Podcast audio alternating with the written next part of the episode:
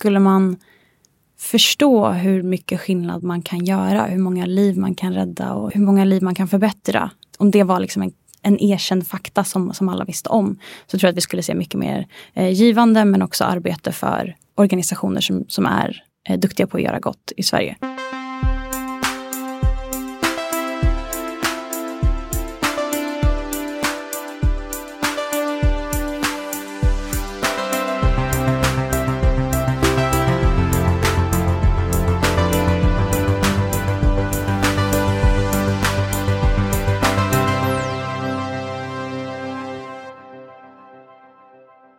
Hur kan vi göra gott för så många människor som möjligt? Var ska jag lägga min tid? Var ska jag lägga mina resurser och pengar? Det här är väldigt svåra frågor som många ställer sig och eh, förvirringen riskerar att utmynna i uppgivenhet. Men som tur är finns det smarta människor som eh, forskar och räknar och analyserar på just precis de här frågorna. Vilka organisationer är mest effektiva när det gäller att rädda så många liv som möjligt och var bör man donera sina surt förvärvade pengar? I dagens avsnitt av Heja Framtiden träffar vi eh, Gabriella Overöder som är generalsekreterare för Effektiv Altruism Sverige som driver en rad olika projekt och initiativ för att göra världen bättre för så många som möjligt på planeten. Inte bara nu utan även i framtiden. Om du missade avsnitt sju med Karin Ism som är styrelseordförande så får du eh, här en hel hög med intressanta verktyg och resurser att ta med dig när du eh, reflekterar över vad du själv gör med ditt liv och din karriär och dina pengar. Vi poddar från Helio GT30, GT30 i Stockholm. Eh, kolla in Helio Works om du behöver kontorsplatser i Stockholmsområdet. Det är mysigt, det är smart, det är coolt. Warp Institute jobbar vi fortfarande med. De driver Sveriges mest optimistiska Facebookgrupp. Gå med där och få goda nyheter varje dag. Kolla även in deras warpspaceprogram.org som är deras eh, crowdfunding-initiativ för att skicka upp en liten så här rymdsond att analysera en asteroid. Det är inte ospännande. Tack till Noden som driver noden.se nyhetsbrevet Nodentrender varje fredag i mejlkorgen. Signa upp där.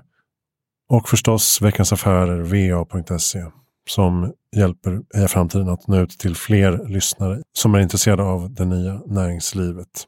Varje vecka publicerar vi en Heja Framtiden-artikel på va.se som också går ut i deras nyhetsbrev som du kan prenumerera på. Tack Veckans Affärer! Sådär ja. Häll upp en kopp kaffe, öppna sinnet, öppna plånboken. För nu får du reda på hur man kan göra världen till en bättre plats för så många som möjligt. Varsågoda, heja framtiden! Då välkomnar vi Gabriella Overöder till uh, Heja Framtiden. Tack, jättekul att vara här. Relativt nytillträdd generalsekreterare för Effektiv Altruism i Sverige. Precis. Jag tänkte vi, vi kan väl börja lite med din bakgrund för den är rätt intressant i sammanhanget. Um, eller rätt talande kan man säga. Du, du, har ju dels jobbat som hållbarhetskonsult, um, mm. varit praktikant på Stockholm International Water Institute, mm. på FAO. Du kommer från eh, Cambridge där du har pluggat eh, klimat. Bland annat. Mm. Berätta, vad, vad gjorde du där? Mm. Hur hamnade du där? Ja, um, nej men jag, eh, jag har alltid haft den här känslan av att jag vill göra gott. Jag växte upp i, i Kina um, av och till och har läst där på universitet också.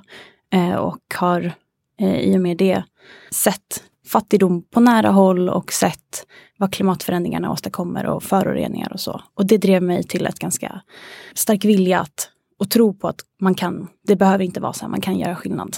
Och kom in på klimat som, som en av de största utmaningarna för vår tid. Eh, och ville jobba med klimat och sökte då till Cambridge för att läsa klimatvetenskap. Och när jag väl kom dit och började eh, läsa Eh, så engagerade mig massvis med olika projekt och ehm, eh, organisationer, både inom universitetet och utanför, där, där man drev eh, förändring i samhället och inom universitetet. Bland dem så, så träffade jag på effektiv altruism och blev utmanad i mitt tänk eh, kring var jag gör mest skillnad. Och tog ett steg tillbaka utifrån de här eh, idéerna och den forskning som har tagits fram på val av problemområde för att kunna göra mest skillnad. Och omvärderade. Eh, så, så, idag jobbar jag inte med klimat rent, utan jag jobbar med eh, flera frågor. Mm. Hur vill du eh, beskriva effektiv altruism? Det är en filosofi nästan mm. som ju har mynnat ut i väldigt en praktisk rörelse. Ja, eh, effektiv altruism är egentligen tre olika saker. Eh, så det är först den här filosofin, eh, men det är också ett forskningsområde. Och det är också ett globalt nätverk av människor och organisationer. Så först det, filosofin handlar om just att ställa sig frågan. Eh, jag vill göra skillnad. Hur gör jag så mycket skillnad som möjligt? Vad bör jag jobba med för problem? Vad bör jag jobba med för typ av lösningar och vilka typer av organisationer? Ehm, och sen att, att verkligen försöka ta reda på svaret på den frågan och att göra det med hjälp av forskning med data och evidens. Och att sen agera på det svaret och följa den eh, rekommendationen. Eh, så att det kan innebära att man donerar till den organisationen eller problemet som, som man visar sig man kan göra mest skillnad inom. Eller att följa en, en karriärrutt eh, inom det området. Sen så är den här väldigt svår fråga att, att svara på. Eh, det är väldigt många osäkerheter, det är väldigt många variabler, det är komplexa frågor. Och det har lett till att man eh, har startat olika forskningsinstitut och organisationer. Både inom universitet, så det finns ett par anslutna till Oxford-universitetet. MIT finns det också. Men det finns också självständiga forskningsinstitut som just kikar på den här frågan. Eh, olika delar av frågan, hur gör jag så mycket skillnad som möjligt? Eh, så det har växt in i ett helt nytt forskningsområde där, där det inte fanns så mycket data och, och systematiska studier innan. Eh, och sen så slutligen så är det också det här nätverket. Så det är en global sammanslutning av människor eh, som kan vara studenter, det kan vara professionals, det kan vara high net worth individuals, alltså folk med extremt stora mängder pengar. Och det kan vara vdar eller, eller entreprenörer. Och, eh, och alla de enas kring den här viljan att ta reda på mest effektiva sätt att göra skillnad. Alltså så att man kan göra mer gott för samma mängd resurser lagda. Mm. Och det känns ju som att det här är en ganska ung rörelse. Det känns som ni är ju unga, pigga akademiker från liksom Oxford, Cambridge, eh, Harvard, Stockholm också. Mm. Lite som när man raljerar över liksom millenniegenerationen och 90-talister, att de hela tiden ska vara syftesdrivna. Och mm. de, de frågar hela tiden vad arbetsgivaren kan göra för dem. Ungefär. Mm. Det här liksom förkroppsligar det och, och drar det till sin spets. Så att, nej, som har gjort tidigare funkar inte. Uh, att bara ge på känsla uh, är inte så effektivt. Mm. Hur kan vi göra det här liksom smartare? Mm. Men det finns också tre, det finns ju tre grundfrågor som man ställer sig. Va? Uh, vi intervjuade Karin Ism i uh, intervju, äh, sorry, avsnitt sju tror jag. Mm. Hon är väl styrelseordförande fortfarande Precis. i Sverige. Mm. Och hon kom in på då de tre, de tre frågorna som ligger till grund för om man tycker att ett problem är relevant eller inte. Mm. Kan inte du komma in på dem lite? Mm. Absolut. Så vi pratar om mer, mer än bara problemområde utan det, det, man jobbar på alla nivåer. Så att säga. Så det är val av problem, det är val av lösning och val av eh, implementering av den lösningen. Och där skiljer sig lite från den vanliga diskursen i Sverige när det kommer till välgörenhet. Man pratar ofta om eh, hur stor del av pengarna når fram och att man är väldigt fixerad i valet av eh, organisation utifrån overheadsen eller andelen ja, pengar som kommer fram. Och det kan vara en bra indikator ibland. Ehm, men risken är att man missar eh, en väldigt stor del av vad som faktiskt spelar roll utifrån hur mycket en organisation eh, uppnår. Du kan ge till en organisation som, har, som förmedlar 99% av pengarna men jobbar på fel typ av lösning så att det bara inte gör skillnad. Och, och då är det en ganska dålig indikator. Mm. Och tvärt så, vi rekommenderar organisationer som har en, en overhead på kanske 30 procent där man, där man lägger en stor del av resurserna på att identifiera rätt typ av lösning. Man gör forskning och, och effektmätning efter implementeringen av, av de här lösningarna. Eh, och det tar ju en del av den här kakan som man, som man donerar. Ja, men det är eh. analys istället för administration? Eh, ja, kostnaden. ja precis. Okay. Eh, men, men jag menar om man tänker på administration kan vara bra också. Om du tänker på donationer till exempel som, som ett köp av världsförbättring. Så pratar man ibland om ett exempel eh, av att du ska gå och köpa en, en, annan typ av produkt. Så säg att du ska gå in i en, en affär och köpa en tv. Du går in och du har en idé av att du vill köpa bästa möjliga tv eh, för bästa möjliga pris. Du kanske har en intervall eller en typ av tv du, du är intresserad av. Det är inte så att man går fram där och frågar hur stor del av de här pengarna går till att faktiskt skapa tvn jag köper. Eh, utan, Skulle jag inte vilja veta. Nej, exakt. Utan där handlar det om ett företag som, eh, som förhoppningsvis lägger de pengarna på liksom R&D, alltså research and development eller eh, utveckling av produkter. den, frågan är, den frågan är viktig men man riskerar att missa mycket av det som är eh, viktigt. Och de, de tre huvudfrågorna som, som vi pratar om i effektiv altruism handlar först och främst om ja, men vad är det för typ av implementering som, som funkar? Vad är det för typ av organisation jag donerar, donera till? Men om man tar ett steg tillbaka och faktiskt kollar på ja, men den här organisationen som jag är intresserad av. Eh, vad är det för typ av lösning de faktiskt levererar?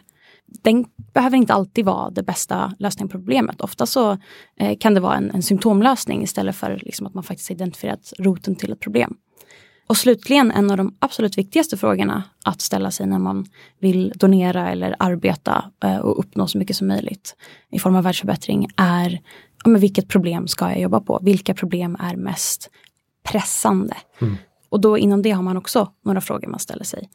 Eh, men så först inom implementering då, vad är det för typ av organisation jag bör eh, returnera till? Ja, men där handlar det mycket om sunt förnuft. Eh, så om jag ska leverera en eh, implementering det finns ett exempel från eh, Rachel Glenister som är eh, Diffit, eh, som är Storbritanniens motsvarighet av Sida. Hon är deras chefsekonom och är en av de eh, första effektiva altruisterna. Så hon eh, jobbar mycket på deras eh, sida för att eh, implementera ett mer evidensbaserat och effektmätningsbaserat eh, arbetssätt till hur de tilldelar sina medel. Just för att uppnå mer med deras biståndsbudget. Mm. Eh, hon har ett exempel där hon pratar om man ska leverera en intervention, en lösning som handlar om att hjälpa familjer i, i Indien att vaccinera sina barn. Och man jobbar med olika typer av incitament då. I en by så levererar man då, man har gjort det här i, i Afrika innan eh, och man levererar det här projektet då och, och använder incitamentet att man ger ut en påse ris eh, som liksom incitament för att folk ska komma dit och faktiskt utföra eh, vaccinationen. Så försöker man göra samma projekt i, i Indien, det har gått jättebra.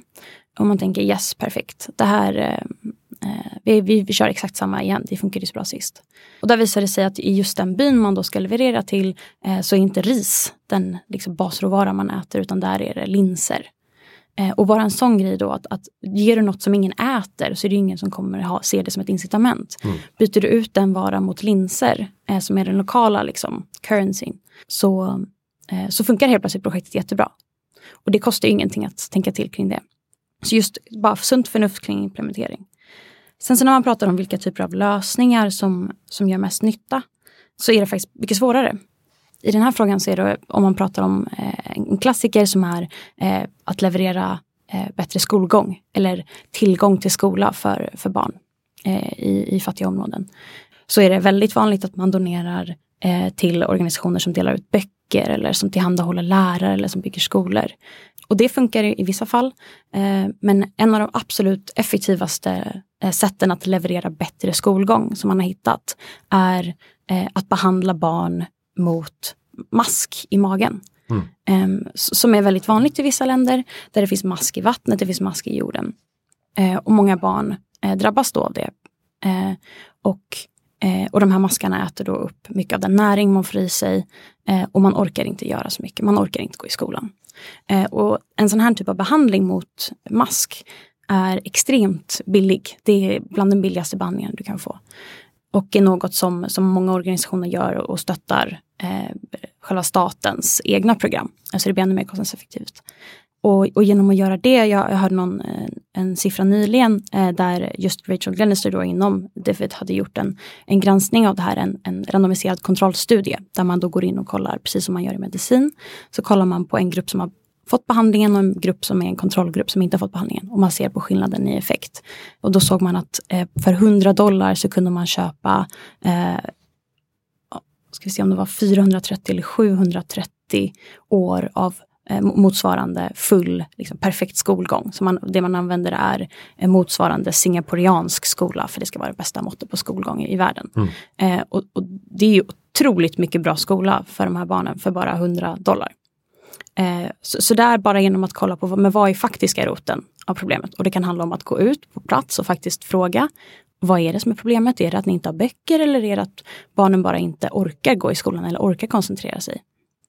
Och genom att tillhandahålla en behandling av den här masken då, eh, som äter upp näringen i barnens magar så att de inte orkar gå i skolan och inte orkar göra så mycket annat. Det, livet blir liksom drastiskt sämre. Eh, genom att behandla det här som är otroligt kostnadseffektivt, bland de mest kostnadseffektiva eh, medicinska behandlingar du kan göra, eh, så, eh, så förbättrar du inte bara skolgången för de här barnen väldigt mycket, eh, för att de faktiskt orkar gå i skolan, faktiskt orkar ta till sig informationen, men också resten av, av livet. En annan lösning som är, har visat sig vara extremt effektiv och funkar väldigt bra, eh, som, som Divid, eh, alltså Storbritanniens motsvarighet till Sida, nyligen har gjort en, en studie på, eh, Eh, är något som heter streaming. Och det är det mest effektiva man kan göra. Streaming handlar om att bara låta barn göra tester för att se vilken nivå är de på. Eh, så om ett barn enligt sin ålder då bör gå i klass 2 att göra ett test och få kolla, ja, men, ligger barnet kanske redan på, klass, på nivå eh, Eh, på klass 3 eller 4? Eh, eller har det haft lite problem med att ta till sig utifrån egna förutsättningar eller andra förutsättningar? Eh, och då kanske eh, egentligen ligger på klass 1 nivå. Och då låter man de här barnen flytta upp eller ner. Alltså att, att eh, precis som ett vattenfall streamar upp och ner i olika nivåer. Mm. Eh, får flytta sig till den nivån man är på. och på så sätt så kan man ju ta till sig informationen mycket bättre. och det här har man sett leder till extremt mycket bättre testscores för väldigt lite pengar.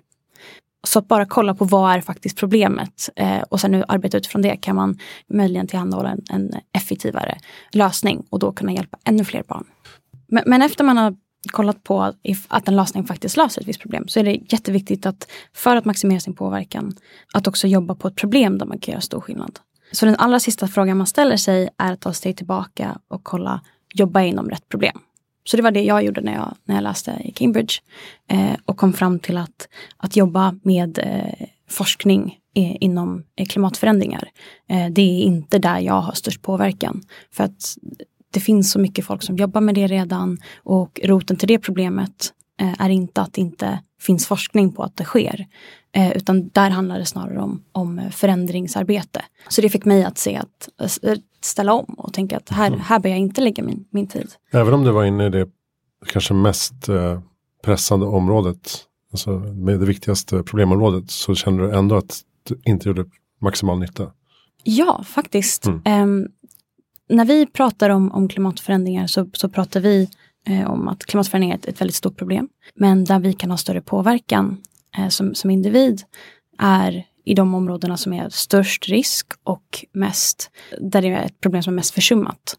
Eh, och där, om man ska prata just inom klimatförändringar så, så är det risken från eh, e-, extrema klimatförändringar eh, som, som är det, det, stora problemet att jobba på där. Eh, så det, det är Eh, förändringar eh, som sker vid liksom 4, 6, 8, eventuellt 10 graders värmning. Där vi ser att klimatsystemet helt eh, kollapsar och vi inte riktigt vet hur det ska ställa om. Och där det finns stor risk att vi lämnar den här holocenen som är den här perioden då människan har haft möjlighet att etablera vår civilisation, vårt sätt att leva genom eh, jordbruksförsörjning. Eh, och vi inte riktigt vet vad, vad Eh, systemet kommer kunna erbjuda för typ av habitat. Och för att inte tala om extremväder och de liksom samhällskostnader det leder till och hur mycket liv det kan skörda. Så, så det är ett stort problem, extrema klimatförändringar. Eh, där det absolut inte är en, en så pass liten risk att vi ska ignorera det. Eh, för, för att det är något som faktiskt skulle kunna hända, speciellt när vi pratar om tipping points. Eh, där eh, vi värmer upp världen så pass mycket att, eh, att klimatsystemen eh, kickar igång positiva feedback loops som gör att eh, vi får en ytterligare värmning. Eh, och att, att, vi då kan nå upp till, inte bara förbi de här 1,5 eller 2 graderna som vi ofta pratar om i den liksom, klimatpolitiska diskursen, utan faktiskt nå upp till de här 4, 6 eller 8 som är riktigt läskiga och vi inte riktigt vet vad som händer. Så vill man öka sin eh, liksom påverkan så är det att jobba inom den typen av frågor eh, som, som eh, har största sannolikhet att, att ge dig möjlighet att göra större skillnad. Det ska man då ha en liten brasklapp på och säga att har du en liksom, fantastisk möjlighet, eh, har du liksom en fantastisk plattform eller är i en fantastisk position att driva förändring inom just klimatförändringsfrågan, alltså den vanliga eh, 1,5 till liksom 4 graders eh, eh, arbetet, eh, så ska man ju använda den möjligheten och där har man en, en större marginalnytta men för de som inte ännu har valt karriär eller tänker att de vill byta eller donera uh, så är det just inom uh, katastrofala klimatförändringar som, eh, till riktiga. Vad är skillnaden där då menar du? Eh, just att, att det är en eh, reell risk att vi hamnar där. Eh, och för att den vanliga, eh, eh, det vanliga samtalet och de vanliga politiska eh, förberedelserna och eh, analyserna inte handlar om den typen av scenarier utan det handlar om de här snällare förändringarna. Så, så har man en möjlighet att som enskild person göra större skillnad. Så om du har de här två problemen där eh, den ena har ju det extremt mycket resurser som, som läggs på. Eh, och det är extremt mycket personer som jobbar. Det är säg hundratusentals personer som jobbar med klimatförändringar. Um, och sen så har du det här katastrofala klimatförändringar där det kanske är tusen personer som jobbar. Mm. Uh, om du går in i någon av de här så är det en otrolig skillnad i vilken liksom, procentskillnad du utgör uh, ifrån, uh, som marginalnytta. Mm. Och, och, det, och det talar för att om det faktiskt är ett verkligt problem, vilket det är med katastrofala klimatförändringar, att du bör prioritera det. Just det. Eh, och det är några av de här frågorna då när vi pratar om eh, val av problem. Att, att ställa sig de här tre eh, frågorna om hur stort är problemet? och när vi pratar klimatförändringar så är det liksom hur stor är risken att det sker och hur många människor kommer det drabba? Hur många liv kan vi förbättra om vi löser problemet och hur mycket? Och sen så att ställa sig frågan om hur lösbart är det? går det att göra någonting åt? Och lösbart definierar vi då som om vi fördubblar mängden resurser som läggs på det här problemet, hur stor del av problemet lär vi liksom kunna lösa? Eh, mm. Eller om det är en risk motarbeta. Och sen slutligen, eh, hur försummat är problemet? Just på grund av det här med marginalnytta, att hur stor skillnad kan jag som individ göra eller vi som institution eller organisation göra om vi fokuserar på det. Ja, det var nog egentligen de frågorna jag var inne på ah, okay. i början. Ja. Men, men det är bra, då, kom då, då knöt vi ihop det på ett snyggt sätt. Mm. Uh, men tycker du att man ska liksom välja i sin, i sin vilja att liksom göra gott, ska man liksom välja en organisation och mm. satsa på det eller ska man tycka att man ska sprida sin givmildhet i flera korgar? Jag skulle inte säga att effektiv altruism som eh, nätverk eller som filosofi har en, en eh, enskild rekommendation där. Jag tror mer det finns eh, massa olika approacher. Ehm, jag har personligen valt att sprida mina donationer. Så jag har donerat delar av dem till global hälsa och extrem fattigdom. Just för att där är det, det är ett väldigt stort problem. Eh, och eh, det är väldigt många som lider av fattigdom och eh, sjukdomar som egentligen eh, går att behandla väldigt eh, lätt och billigt. Så man kan hjälpa väldigt många personer och det är hög sannolikhet att de här personerna faktiskt hjälps av de pengarna jag ger. Sen så eh, har jag valt att lägga en annan del av mina donationer på att jobba med insatser som minskar eh, risker för just sådana här problem som eh, katastrofala klimatförändringar. Eh, eller motverka risker från kärnvapenkrig. Eh, stora risker som, som skulle kunna drastiskt för, försämra mänskligheten. vad, vad kan det vara för eh, initiativ? Då? Är det mer styrnings... Precis, så då är det eh, governance-frågor eh, framför allt. Så, så det kan vara att, att man sponsrar organisationer som jobbar med antingen lobbying av politiker eller eh, makthavare som, som beslutar kring de här frågorna. Att mm. man ska ta hänsyn till de extrema riskerna som finns från de här frågorna eh, i mycket större grad. Men där är det en större osäkerhet och det är därför jag har spritt ut eh, mina donationer. Det finns, eh, det finns en, en organisation som heter, som är en av de största institutionerna eller forskningsinstituten eh, inom effektiva altruismnätverket globalt. Eh, och det är en eh, organisation som heter Open Philanthropy Project eh, som startades av Dustin Moskovitz som är en av de här eh, Facebook-grundarna som är lite mindre känd än Mark Zuckerberg. Mm -hmm. Och han bestämde sig för några år sedan att han skulle ge bort eh, hela sin rikedom. Precis som Bill Gates har pledgat, men han sa allt. Um, och det är 8 miljarder dollar som han och hans fru ska ge bort under um, deras livstid. Uh, och de startade en organisation som heter Good Ventures som skulle dela ut de här pengarna och identifiera extra bra, extra effektiva ändamål att donera till så att pengarna kom till största möjliga nytta. Uh, men insåg ganska snabbt att det är sån otrolig skillnad i hur mycket vi kan uppnå uh, beroende på vad vi ger. Att uh, det, det är värt att lägga tid på att identifiera de bästa möjligheterna. Eh, och de, eh, det slutade med att de startade ett eh, forskningsinstitut som kollar på just det här. Så det, var, det är så stor skillnad i effekt att det är värt att starta ett forskningsinstitut mm. för att identifiera dem. Och de jobbar med något som heter spännande som heter Hits-based philanthropy eller Hits-based giving. Eh, och det är lite mer eh, liksom investment venture capital approach till, eh, till filantropi.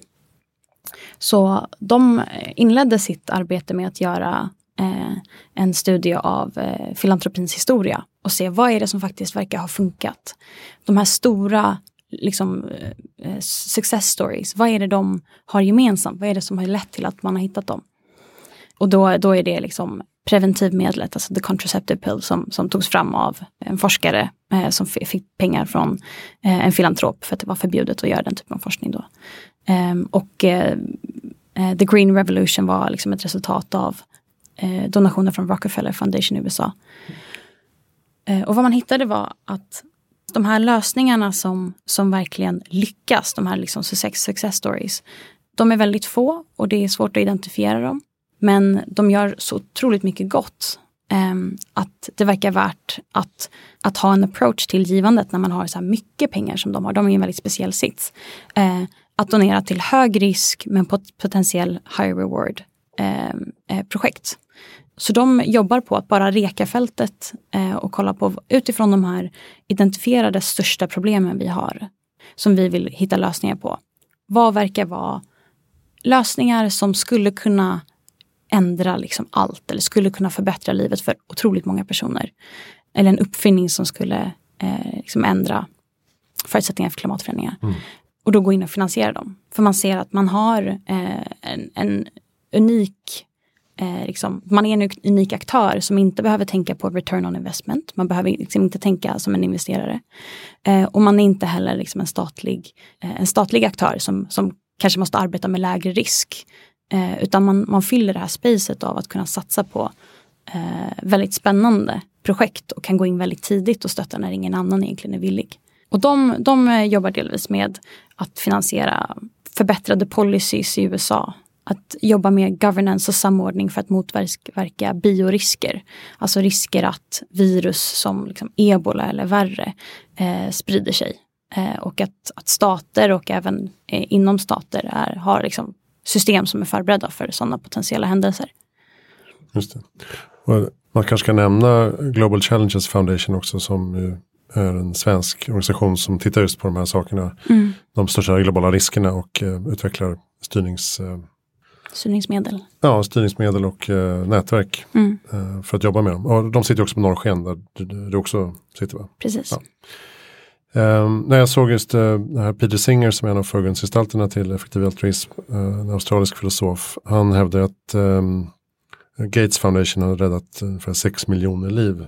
Mm. 5,8 eh, när han hade sitt TED-talk men det kanske mm. har ökat lite då. Mm.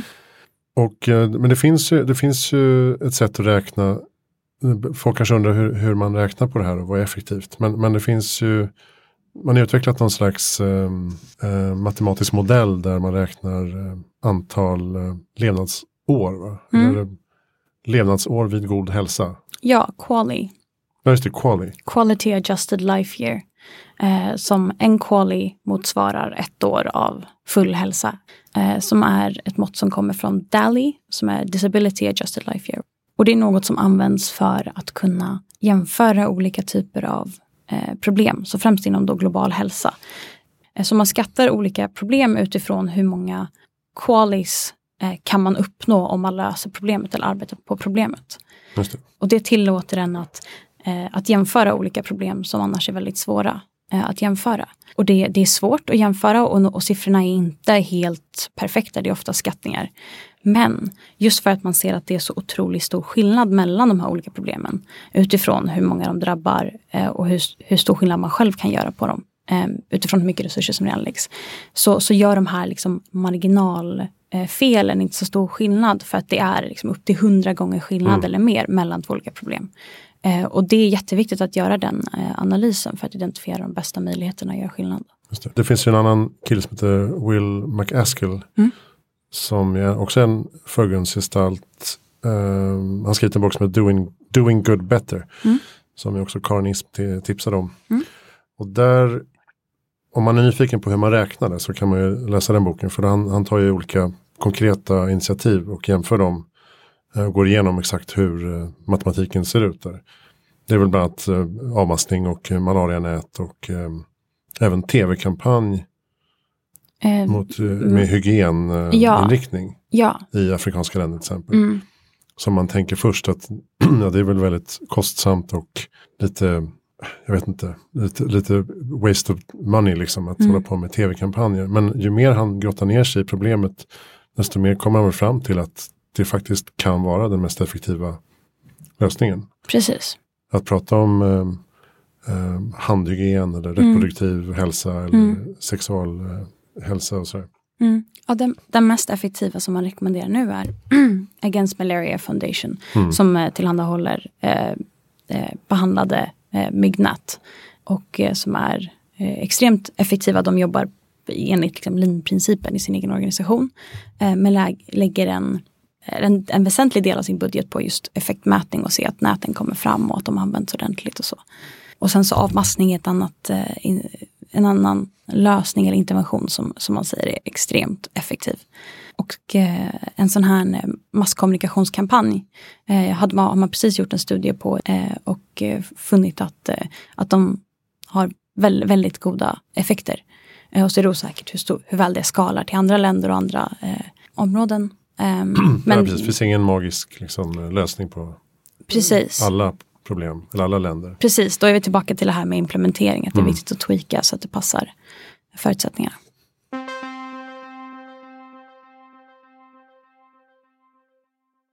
Ett problem när man pratar om det här är att man ofrånkomligen ställer ett initiativ mot ett annat. Mm. Och att vissa kanske tänker att det är lätt att bli då nästan cynisk i, i, sin, i sin syn på eh, givande och altruism. Att liksom, jag vet inte om det är i boken också, han ställer liksom eh, en syn, en eh, blindhund. Mm. Kostnaden för den mot hur många till exempel malarianät man kan eh, köpa och rädda x antal liv. Mm. Blir blir det här problematiskt när ni pratar om de här frågorna? Att man tänker att jaha, så att uteliggaren ska inte få hjälp då. Mm. För att vi ska hjälpa bara fattiga i Afrika. Mm. Kan man hålla två tankar i huvudet samtidigt? Så att säga? Mm. All, allt form av göra gott är ju liksom fan, fantastiskt och jättebra. Det resonemanget jag har är att man, man gör alltid egentligen det här valet att donera till ett ställe och då inte donera till ett annat, bara att man inte riktigt tänker på det. Och det som skiljer effektiv altruism är att ehm, man har fått reda på att det faktiskt finns en otrolig skillnad i hur mycket man uppnår mellan olika.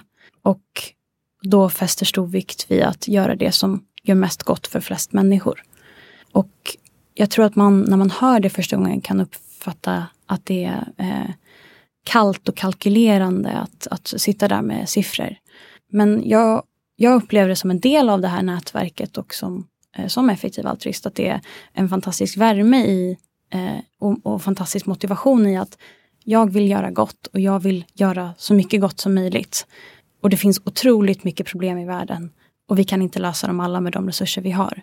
Eh, och då måste man välja. Och att då se till att jag inte bara gör ett val eh, nonchalant utan att tänka. Eh, utan att faktiskt göra ett val där jag vet att jag gör skillnad och jag gör så stor skillnad jag kan. Jag hjälper hundra. Eh, vissa interventioner kan tillåta mig att hjälpa tusen personer istället för en. Eh, och med den vetskapen så, så, så känns det väldigt fint att få ge effektivt. Eh, och det tror jag är något man kanske glömmer bort när man fastnar vid den här tanken att eh, men det handlar bara om siffror.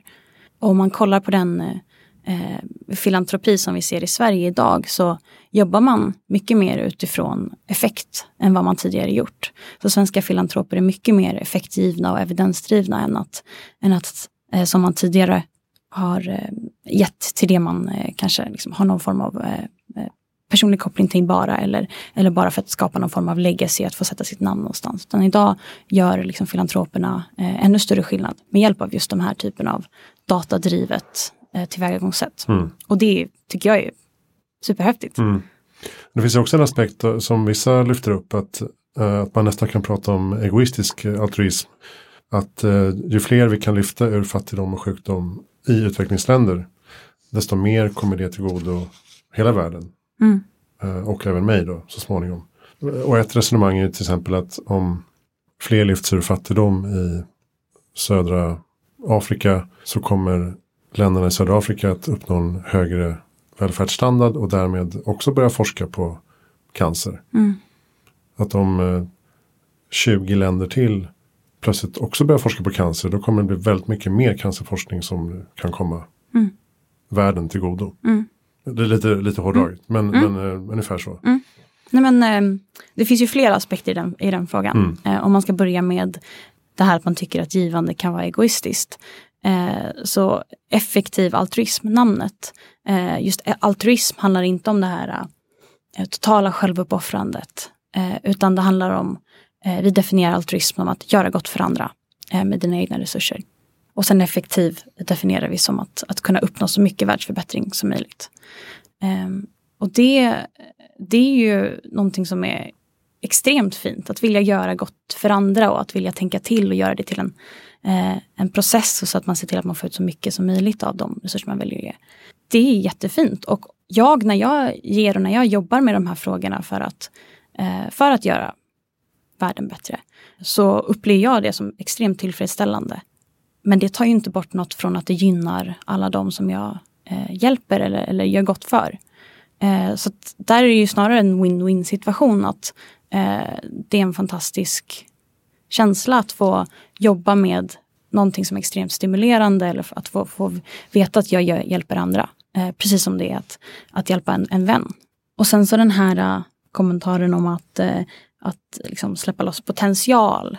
Uh, så om vi ser liksom historiskt sett så har vi ju släppt loss en extrem potential genom att expandera vår moraliska cirkel till att bry oss om folk som, som inte bara eh, som för 200 år sedan liksom var välbärgade vita män av liksom, eh, god samhällsklass utan att nu får alla vara med i samhällsdiskussionen och eh, jag får vara här idag som kvinna och prata. Eh, det hade jag inte fått göra för 100 år sedan. Att det är en fantastisk grej att vi släpper loss en, all den här potentialen som finns i världen som, som låses upp i helt onödiga liksom, sjukdomar eller fattigdom. Eh, så jag tror absolut på den positiva spiralen av att, av att hjälpa. Mm. Man kan komma bort från den här jante-idiotin då. Att man liksom, ja du ger ju bara för att du mår bättre själv. Mm. Man bara, ja kanske det, men jag ger i alla fall. Mm. Så kan man ju också tänka då ett steg längre att det här kommer faktiskt bidra till att världen blir bättre. Om världen blir bättre så kommer vi också få det bättre. Det finns inget noll som är spel där de får en bit av kakan och jag får inte. Liksom. Precis. Och jag tror att skulle man förstå hur mycket skillnad man kan göra, hur många liv man kan rädda och hur, mycket, hur många liv man kan förbättra. Om det var liksom en, en erkänd fakta som, som alla visste om. Så tror jag att vi skulle se mycket mer eh, givande men också arbete för organisationer som, som är eh, duktiga på att göra gott i Sverige. Mm. Um, just det, och jag ska säga att uh, GiveWell heter ju en organisation som jobbar med att bara analysera, andra organisationer. Ja, precis. De är ju ganska rigorösa i sin Ja. bedömning. Så, ja, exakt. Tycker man att det här eh, låter som en spännande sak och att man vill eh, ja, veta att mina, eh, mina pengar når fram och gör skillnad. Eh, och det gör väldigt mycket skillnad. Eh, eh, så, och om man tycker att det låter bra men inte riktigt vill sitta ner och göra liksom, uträkningarna själv, vilket är fullt förståeligt. Eh, då finns en fantastisk organisation som heter GiveWell. Ehm, eh, där eh, det de jobbar med är att göra analyser av eh, välgörenhetsorganisationer. Så de har analyserat flera hundra organisationer eh, utifrån eh, parametrarna kan de visa med evidens att de faktiskt gör skillnad? Eh, hur kostnadseffektiva är de? Alltså hur mycket skillnad gör de eh, för de pengarna jag donerar? Eh, är de transparenta i sitt sätt att, eh, att redovisa det här? Liksom? Och slutligen, har de rum har de plats för mer finansiering så kan de ta tillvara på de pengarna Ja, det. donerar. Ja, det är en viktig aspekt. En jätteviktig aspekt. Eh, och de har faktiskt eh, den här Against Malaria Foundation som jag rekommenderar som den mest effektiva organisationen idag. Eh, den eh, tog de faktiskt bort från sin rekommendationslista eh, ett eller två år. Just för att de eh, skulle inte klara av att använda eh, mer pengar lika effektivt längre. Så då sa man, nej men då rekommenderar vi inte dem just nu. Även om de var en fantastisk organisation. Och nu är de tillbaka på listan. Så Givewell har en, en, eh, åtta, en lista på åtta organisationer som de rekommenderar som särskilt effektiva att ge pengar till. Ehm, och alla deras uträkningar och antaganden går att hitta på hemsidan. Man, Givewell.org. precis. Och är man intresserad av annan typ av givande så är ju det en av de saker som, som eh, jag jobbar med eh, och vår organisation Effektiv Altruism Sverige jobbar med. Just rådgivning till enskilda individer eller större filantroper om var kan jag ge eh, och vem kan jag vända mig till ifall jag vill eh, göra så mycket nytta som möjligt med de pengarna Mm. jag ger. Jag kan tänka mig att många företag också tycker att eh, ja, men nu ska vi ge någonting i år. Mm. Istället för julbord. Precis. Så kör vi min stora dag eller något sånt där. Ja. Som är väldigt mycket pengar för kanske inte så många qualis. Mm. Mm. Då kan man ju ta hjälp av er kanske att få Absolut, eh, lite riktning. precis. Eh, men hur, hur långt i framtiden då kan ett aktivt engagemang sträcka sig? Eh, Karin Is pratade till exempel om att man tänker på generationer som inte är födda ännu. Mm. Att de också ska ha rättigheter. Så Mm. att säga. Hur eh, resonerar man där? Ni har ju något projekt som heter Projekt Framtid till exempel. Mm. Vad är det man tittar på då? Eh, ja, men en, om vi kollar på den här frågan om vilka problem ska jag jobba med för att göra mest skillnad. Eh, så har man kommit fram till nu på senare år när man har gjort mer eh, forskning på, på den frågan. Att eh, jobba preventivt verkar väldigt, eh, väldigt effektivt. Och att om vi kollar på hur många liv som lever idag, hur många liv som har levt och hur många liv som potentiellt kommer leva. Eh, så verkar det som att majoriteten av, av liksom de liv som man skulle kunna hjälpa, eh, de är inte födda än. Eh, de, de finns i framtiden. Och om man bryr sig då om att hjälpa så många som möjligt så är ett väldigt bra sätt att göra det att förbättra förutsättningarna för framtida generationer. Vi arbetar med ett projekt som heter Projekt Framtid. Eh, där målet är att öka långsiktigheten i eh, svensk politik. Eh, så när man tar beslut idag så jobbar man ofta utifrån en liksom fem, kanske tio, max eh, 20-årsplan. Jag tror att vår klimatlag eh, lag och klimatmål sträcker sig till 2045. Eh, ur klimatperspektiv är inte det jättelångt. Och vad vi då gjorde när vi startade upp det här projektet var att, att först göra en i EA-andan grundläggande analys av vad är det vi vill uppnå, hur uppnår vi det bäst? Eh, så då kollade vi på hur har man jobbat för att lyfta frågor som berör framtida generationer i andra länder. Vad är det för olika politiska styrmedel som verkar fungera? Eh, och så utvärderade vi, vi dem. Och, och vår plan som vi kom fram till var då att, att starta ett tvärpolitiskt nätverk för framtida generationer. Eh, som är något som man har gjort i Storbritannien. Eh, där man har startat en APPG, en, en All Party Parliamentary Group for Future Generations. Eh, som man har startat från ett forskningsinstitut i Cambridge som heter CSER, eh, Center for the Study of Existential Risk eh, och eh, Effektiv altruismgruppen där. Eh, och då är, då är det ett tvärpolitiskt nätverk som vi håller på att starta upp i, i riksdagen eh, med riksdagsledamöter som träffas från de olika partierna för att lära sig mer om de här olika existentiella eh, riskerna och andra, andra viktiga frågor eh, att, eh, att tänka mer långsiktigt i som kommer beröra våra generation och framtida generationer. Och det kan vara allt från att, att prata om just vad är riskerna för artificiell intelligens och hur hanterar vi dem i Sverige? Eh, där har eh, riksdagen nyligen tillsatt en, eh, eh gett anslag till eh, olika lärosäten i Sverige för att eh, forska på det här. Som man inte har fått resultaten av, av de studierna än. Men det kan också handla om, har vi rätt förutsättningar för att implementera Agenda 2030 eller, eller våra klimatmål eh, som är jätteviktiga för framtida generationers välmående. Eh, så just nu håller vi på och eh, sätter upp nätverket eh, som kommer lanseras nu under våren. Och vi har en rad partnerorganisationer som, eh, som stöttar oss i det här arbetet.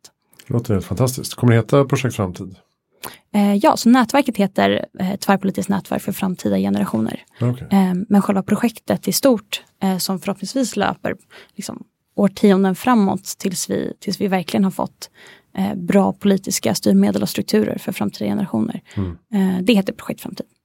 Ja, för det här återkommer vi till hela tiden i podden. Att eh, alla sitter och pratar om de här stora framtidsvisionerna och problemen som vi ska lösa. Men politikerna pratar om eh, att vi ska ha bättre studiero på Mm. Kungsholmen. Mm. Ungefär. Mm. Eh, de kommande två åren. Precis. Det finns liksom ingen, det är ingen som pratar om 50 år framåt eller 100 år framåt. Nej.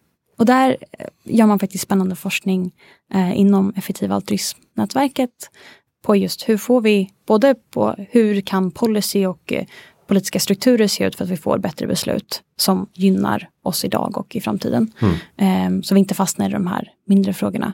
Eh, men också eh, mer specifikt på hur kan vi implementera röstsystem som, eh, som ser till att vi inte ger incitament att bara arbeta för att bli omvald nästa mandatperiod utan mm. faktiskt vågar lyfta de här svårare frågorna.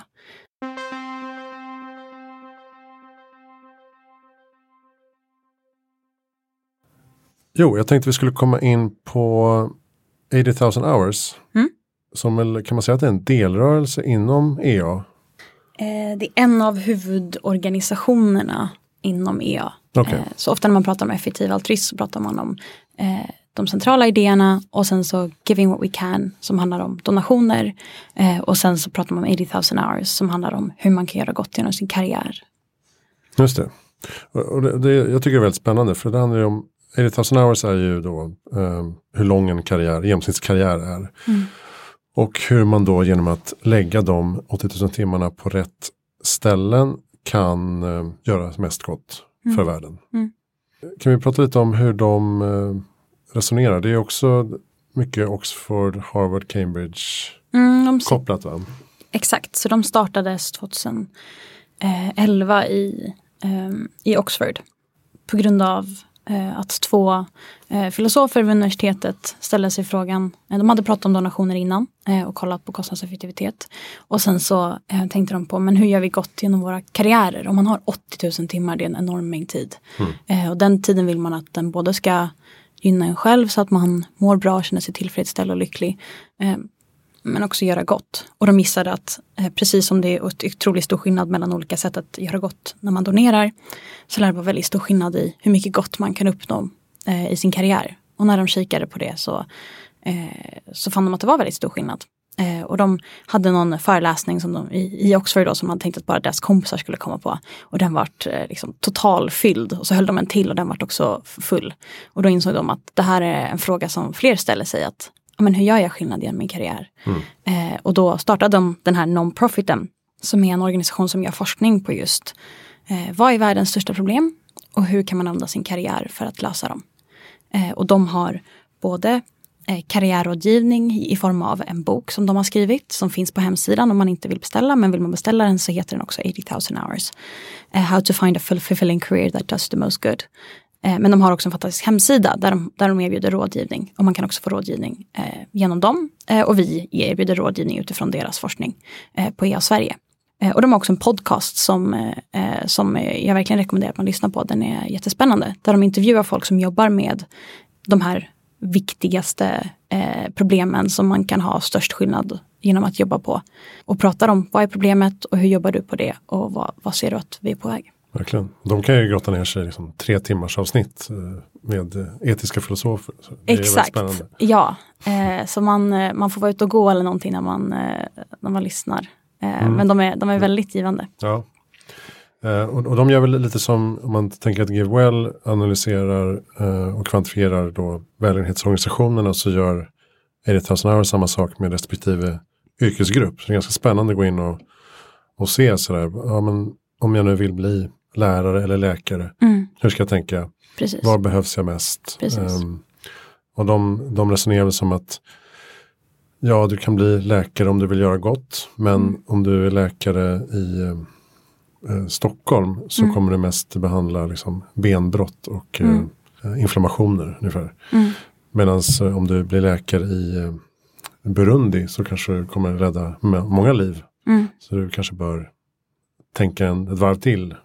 Mm. För det kanske finns annars, annat du vill göra i, i Stockholm om du vill eh, rädda många mm. liv. Ja, och eh, argumentet just med, med läkare eh, som gör väldigt mycket gott inom sin karriär. Eh, det finns en uppskattning av att man räddar, eh, minns inte om det är hundra liv eller, eh, eh, men det, det, finns en siffra på det. att den, den belyser ett koncept i effektiv altruism som jag tycker är väldigt det var väldigt nytt för mig första gången jag hörde det. Och det handlar om eh, kontrafaktiska effekter. Och det är alltså att hur stor skillnad gjorde du jämfört med vad som hade hänt annars? Um, så det är därför man gör till exempel de här randomiserade kontrollstudierna. Och det använder man i medicinstudier till exempel. Eh, just för att se, är den här påvisade effekten som vi ser, alltså att någon mår bättre eller att någon får bättre provresultat. Är det på grund av vår lösning, alltså vårt arbete? Eller alla andra i liksom klassen bredvid som inte fick den här behandlingen eh, eller den här lösningen. påvisar de samma förbättring eller också en förbättring. Och, och, då pratar man om att din nytta som du har gjort är liksom den förbättringen som skedde utifrån vad som hade skett annars.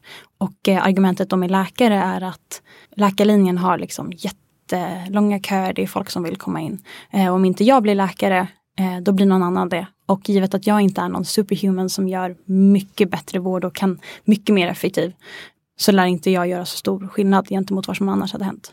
Eh, om jag då har en liksom stor kapacitet och eh, har talang eh, och skulle kunna göra stor skillnad i eh, en annat format eh, så, så lär jag ha en större, alltså en, en faktisk eh, större skillnad och rädda fler liv eller minska risker. Mm. Ja, det, det, är ganska fascinerande att grotta ner sig i det här för man får ju liksom helt andra perspektiv på sina val. Och mm. att man faktiskt har val mm. hela tiden. Mm.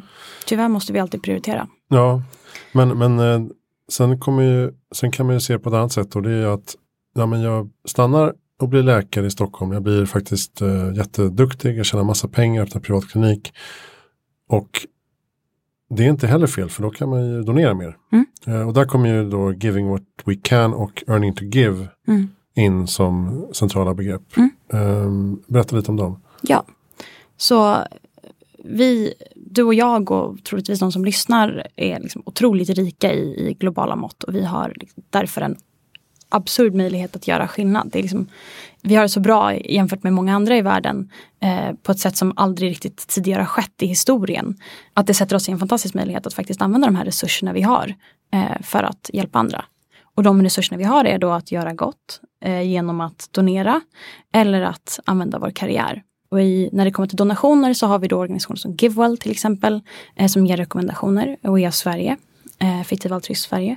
Eh, och så finns det en organisation som heter Giving What We Can, som är hur jag träffade på effektiv altruism första gången eh, i Cambridge för en massa år sedan. Och de är en organisation som uppmuntrar till givande och vill skapa en norm av att man kan ge 10% av sin inkomst. Um, och om man inte känner sig bekväm med det så kan man ge mindre till effektiva välgörenhetsorganisationer.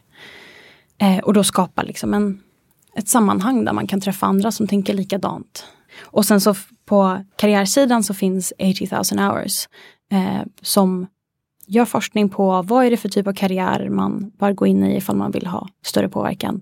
Eh, och hur kan, kan man göra det? Så i den här boken så finns det inte bara guide kring hur man kan tänka kring vara karriär utan också hur går man tillväga? Och där inom just sin karriär, hur man kan tänka där är, är, är två steg främst. Så första steget är att faktiskt välja eh, ett ändamål som, som gör skillnad. Precis som vi har pratat om tidigare. Eh, och sen så steg två, som en annan faktor som påverkar hur mycket man kan göra är vad är jag bra på? Vad passar jag in? Eh, var, var kommer jag få ut så mycket som, som möjligt av mina resurser och var mår jag bra?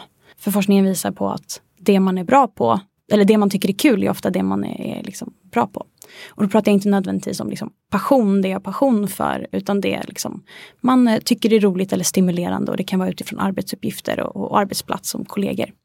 Men där pratar man ofta om fyra huvudstrategier kring hur man kan göra gott. Eh, och den första är då att ha direkt påverkan. Så då är rekommendationen att man jobbar för en organisation som gör mycket gott. Så det kan vara en organisation som eh, till exempel du nämnde Marcus Sandjung som jobbar på Future of Humanity Institute. Eh, där kan man jobba som forskare eller så kan man jobba som liksom, eh, operational staff eller management och hjälpa den organisationen uppnå sitt arbete. Eh, man skulle kunna jobba inom eh, myndighet eller eventuellt inom politiken om man har en viss fallenhet för det.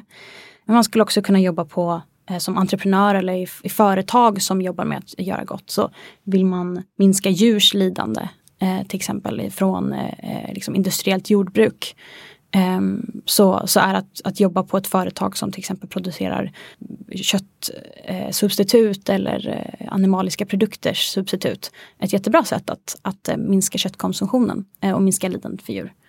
Så startup är ett väldigt bra sätt. Och sen så är forskning ett område där vi ser att, att mycket av den liksom, välfärd vi njut, åtnjuter idag i samhället eh, har skett till följd av liksom, grundläggande forskning av hur världen fungerar och hur vi kan manipulera den till vår fördel. Eh, så forskning är ett jättebra område eh, och vi behöver mer kunskap om de här frågorna. Eh, nyligen startades i, i somras eh, ett institut som heter Global Priorities Institute, som också är del av Oxford-universitetet. Som handlar om just hur ska vi tänka kring den här frågan? Vilka är världens största problem? Och hur mm. ska vi prioritera? Vilka metoder ska vi använda och vad är det för antaganden? Vad är det vi missar? Och sen så är det eh, advocacy, så det är delvis vad vi jobbar med i, i projekt Framtid, att eh, möjliggöra för politiker att hitta ett forum där man kan prata om de här mer långsiktiga frågorna. Eh, och man kan också jobba med, med kommunikationsarbete och så. Så, så det finns en, en rad eh, djurrätts eh, eller djurvälfärdsorganisationer som utifrån forskning på vad är det för typ av arbete som ger mest effekt har gått ifrån det här vanliga aktivistarbetet och nu jobbar mer med corporate campaigns och legislation av att inte tillåta eh, djur liksom, behandlas eh, eh, under liksom, liknande tortyrförhållanden. Eh, och att det ger bättre utdelning än att liksom, stå framför ett slakthus. Eh, mm. Och sen så slutligen så är den sista karriärväg som du var inne på där eh, som, som rekommenderas till exempel högavlönade yrken som läkare.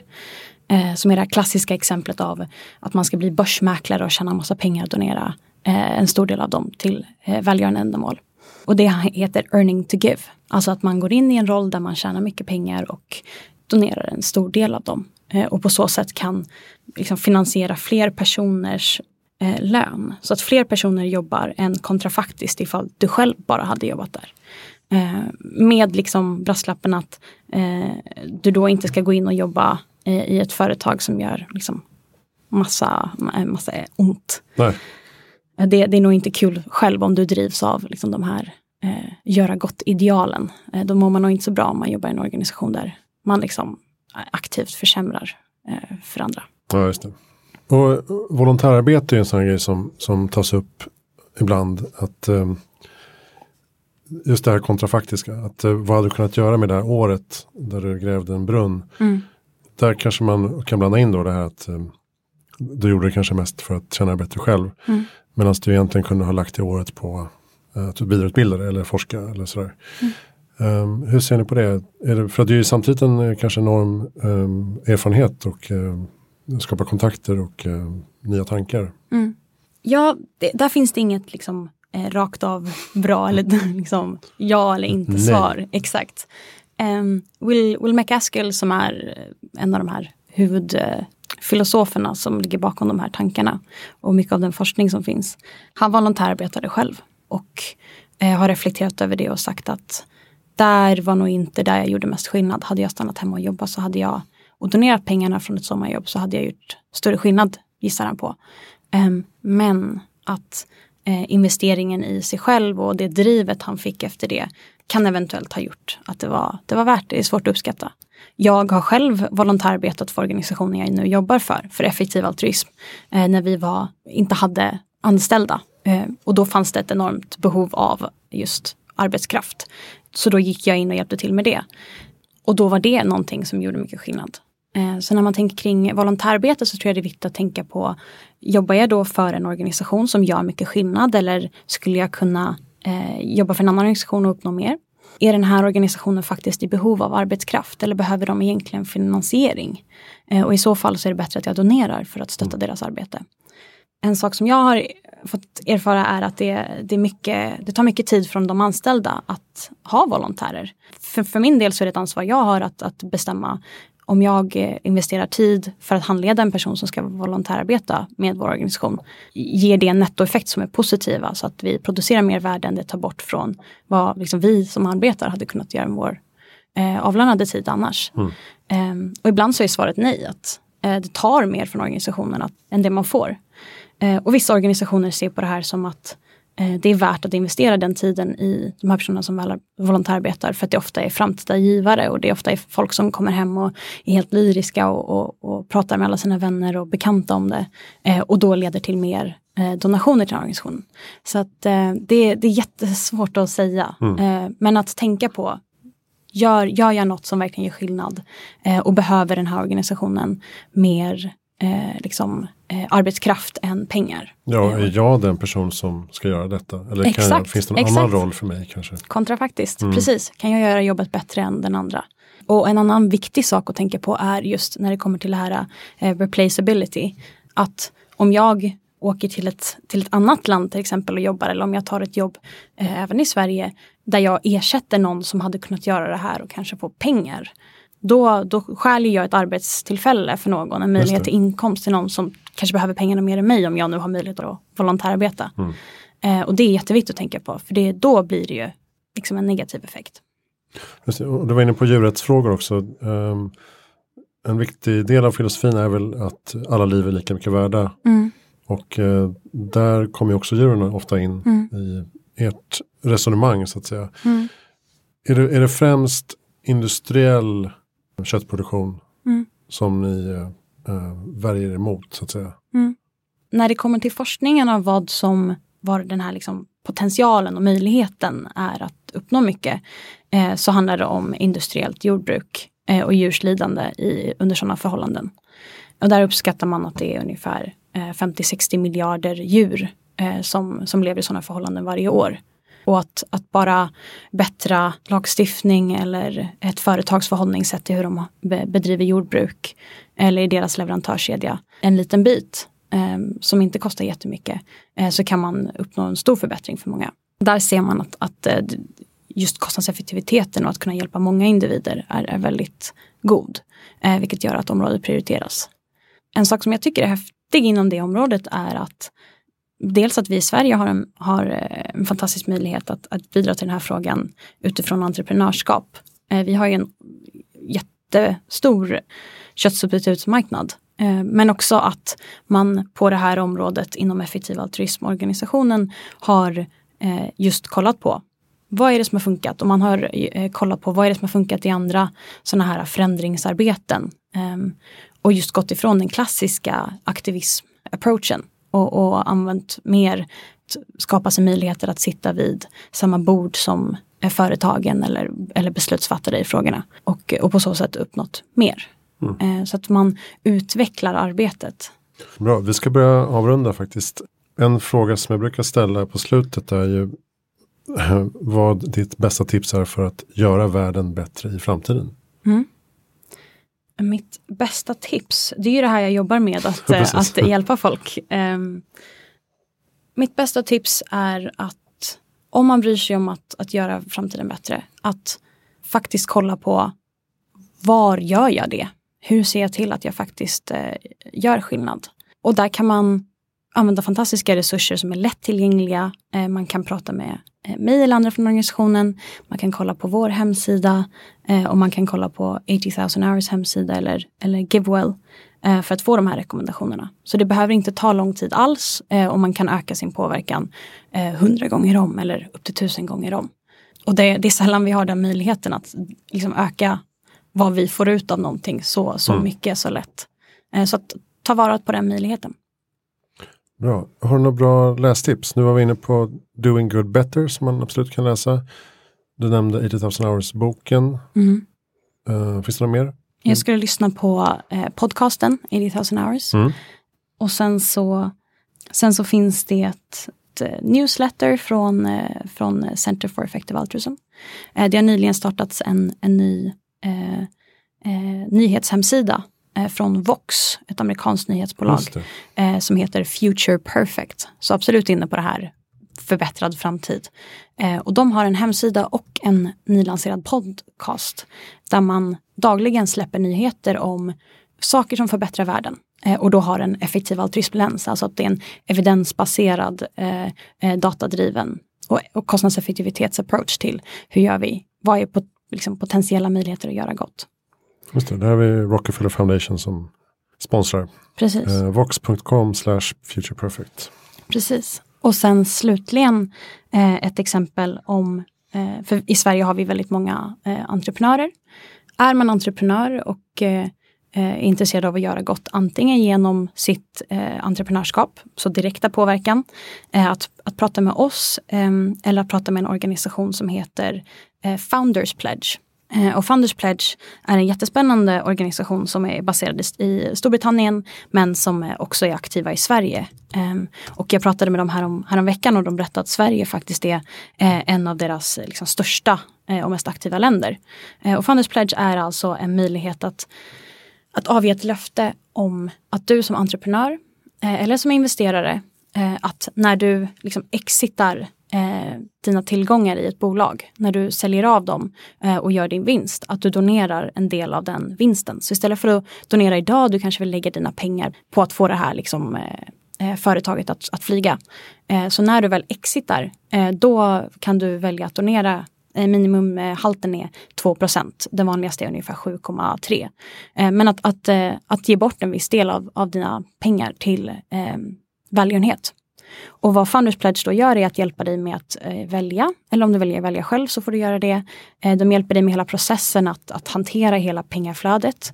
Eh, och du får ett nätverk, eh, så det är nätverksträffar för alla de andra eh, pledgersarna, de som har avgett samma löfte eh, i, i Stockholm. Och Stockholm eh, och eh, eh, andra delar av Sverige också för den delen eh, har liksom en av de största eh, hubsen internationellt. Mm. Eh, så det, det är en, en häftig grej att vara del av. Verkligen. Founderspledge.com. Eh, en av de första bilderna jag ser är Niklas Adalbert från eh, Klarna. Precis. Som grundade Norrsken där precis. ni sitter nu. Ja, precis. Så han har gjort det möjligt för er att ja, bedriva Exakt. verksamhet. Bra, vem tycker att vi ska intervjua i Heja Framtiden? Anders Sandberg som också jobbar på eh, Future of Humanity Institute. Mm. Um, Olle Häggström som jobbar med X-riskfrågor uh, i Sverige. Uh, som jobbar på Chalmers och har skrivit en bok om just det här. Stefan Schubert um, som också är svensk uh, forskare, också, som också sitter i Oxford. och han, han har forskat på um, politisk rationalitet. så evidens inom politiken hur det kan användas och hur det kan användas mer. Eh, och också psykologin inom givande. Eh, mm. Eh, han är, eh, har spännande forskning. och också Nick Boström som är en av de liksom största auktoriteterna i världen på just existentiell risk. Bra. Fyra vita medelålders män. Ja, jag tänkte på det. jag bara skojar. Det, det, ja. det, det är helt okej. De behöver få ut sin röst. Ja. Nej då. Um, Tack snälla Gabriella Obröder för att du kom förbi till här framtiden. Mm. Ni som lyssnar kan kolla in effektivaltruism.org och engagera er mm. även i rörelsen. Mm. Gå med. Bra, tänk på vad, vad du ger och var du ger. Vart du ger, vad säger man? Precis, och vilka resurser du har att göra gott med. Precis. Um, jag heter Christian von Essen. Kolla in hejaframtiden.se för allt du behöver veta. Och uh, vi ses nästa vecka.